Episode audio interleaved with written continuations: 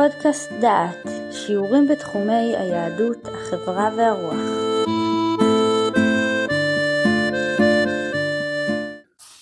ברוכים הבאים לפודקאסט דעת, לקורס רטוריקה תורת הנאום.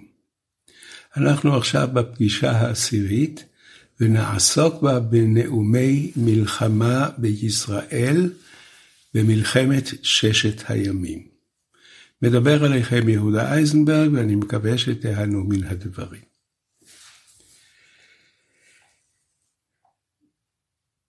הנאום הראשון שנשמע הוא נאום עם פרוץ המלחמה.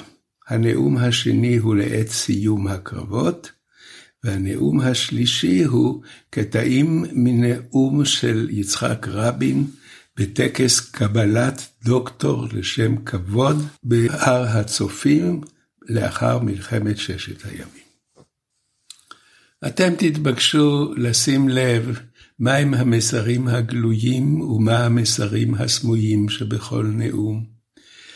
אנחנו במקביל נקרא שלושה נאומים שננאמו בפרוץ מלחמת יום הכיפורים.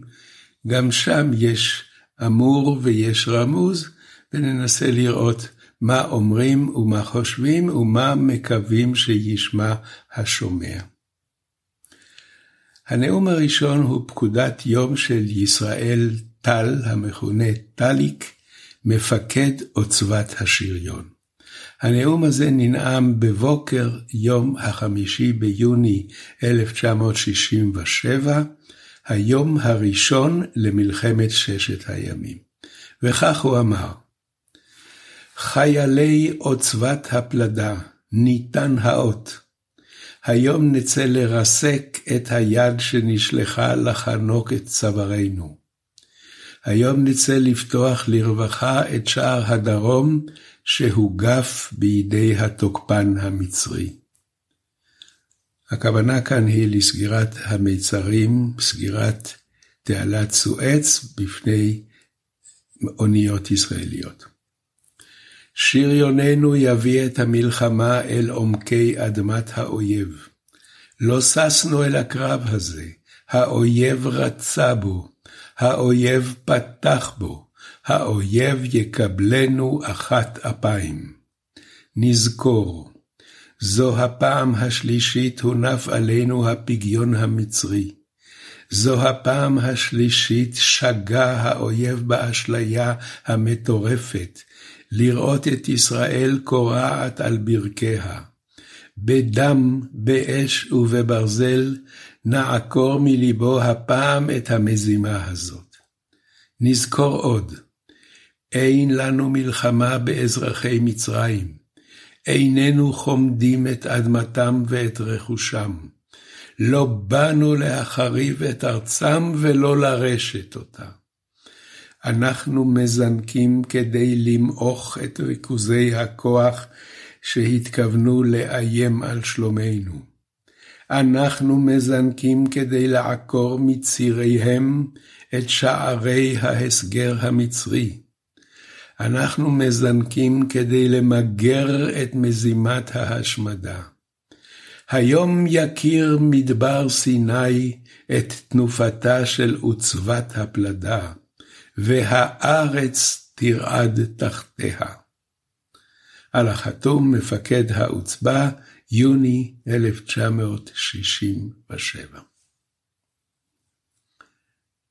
אני חושב שבאופן אינטואיטיבי כבר שמנו לב למבנה הרטורי, לחזרות, להגדרות. אנחנו לא מתכוונים לפגוע באויב. הפעם השלישי היא זו שהאויב מניף מולנו את הפגיון. אנחנו, יש פה הזדהות של השומע עם הקרב ועם המדינה, ויש פה הזדהות עם המעשה. אנחנו מזנקים כדי למעוך, אנחנו מזנקים כדי לעקור, אנחנו מזנקים כדי למגר. זוהי צורה של נאום קצר, חזק וסוחף. ואנחנו עוברים עכשיו לנאום שני. את הנאום הזה נשא שמואל גורודיש, שהיה מפקד חטיבה 7, והוא נאם בסוף מלחמת ששת הימים. אחי גיבורי התהילה. אנחנו נשמע את הדברים בקולו של גורודיש. בקרב תנופה אכזרי ומר, מלא הוד וגבורה, בסער, בדם ובאש. הבקענו מערכיו המבוצרים והשמדנו שריוניו בח'אן יונס, מערכי רפיח, שייח' זואד, הג'ירדי ואל-עריש, ביר לחפן וביר חמה ונתיב הדם והאש בואכה אסמאעיליה. אל המוות הישרנו מבט והוא השפיל את עיניו.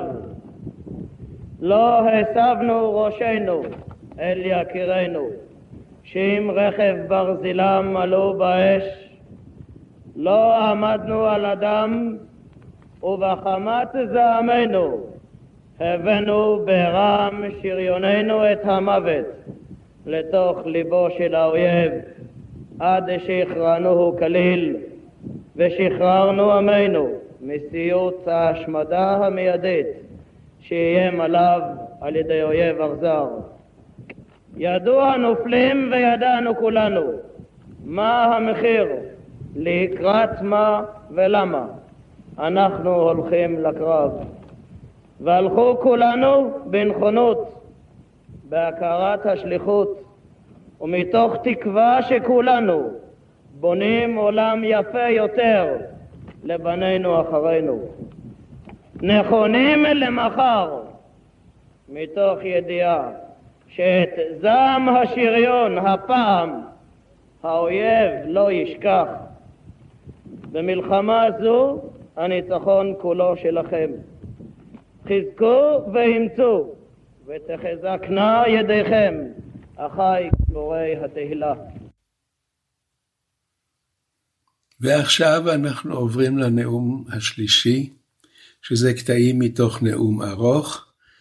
לאחר תום המלחמה קיבל יצחק רבין הרמטכ"ל דוקטור לשם כבוד מן האוניברסיטה העברית, והנאום שהוא נושא נישא בטקס שהתקיים על הר הצופים.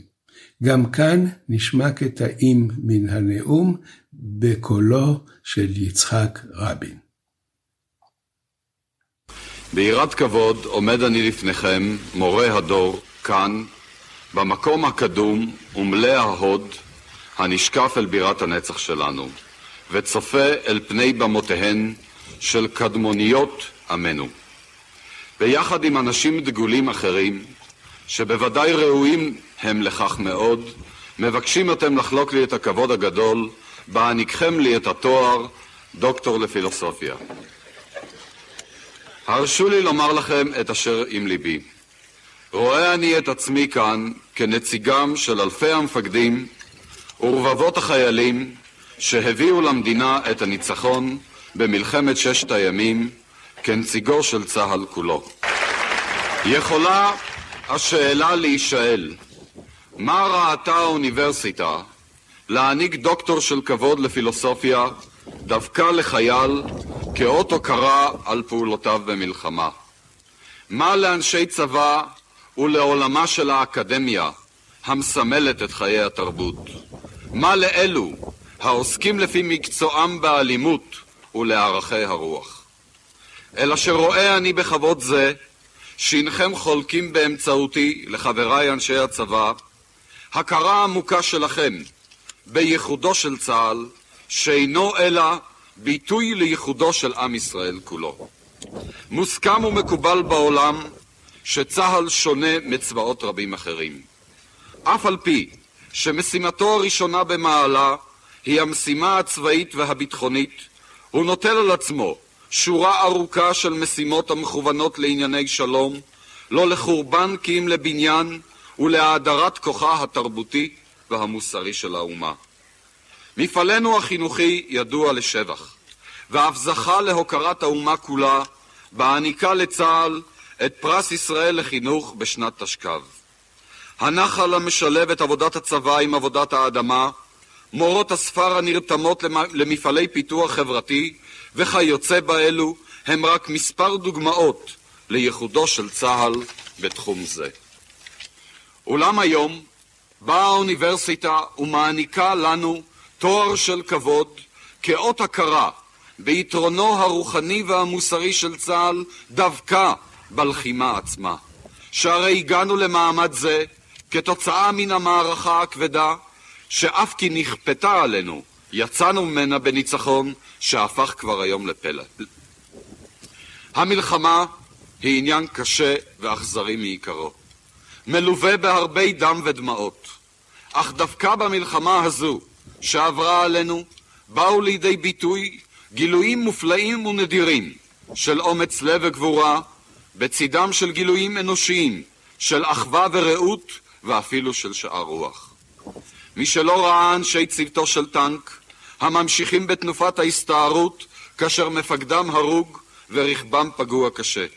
חבלנים שסיכנו חייהם למלט חברם הפצוע בשדה מוקשים.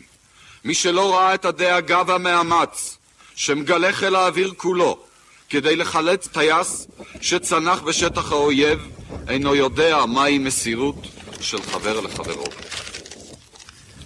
העם כולו עמד נפעם ורבים אף בכו לשם הבשורה על כיבוש העיר העתיקה.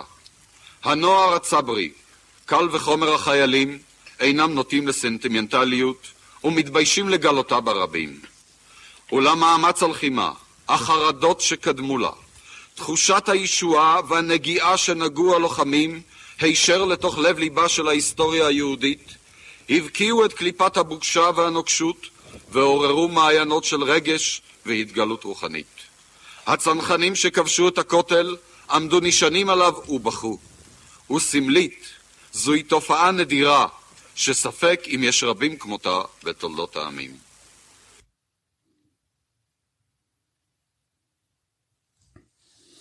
אסיים את הפרק הזה בסיכום קצר, כי אנחנו מסתובבים סביב הנושאים האלה. שימו לב כיצד בנוי נאום טוב, כיצד הוא חותר להזדהות השומע, כיצד הוא הופך את השומעים ואת המדבר ליחידה אחת הפועלת יחד בתיאום ובהזדהות, וכיצד הוא נותן לשומע את ההרגשה שהוא שותף למעשה גדול שהוא חלק ממנו.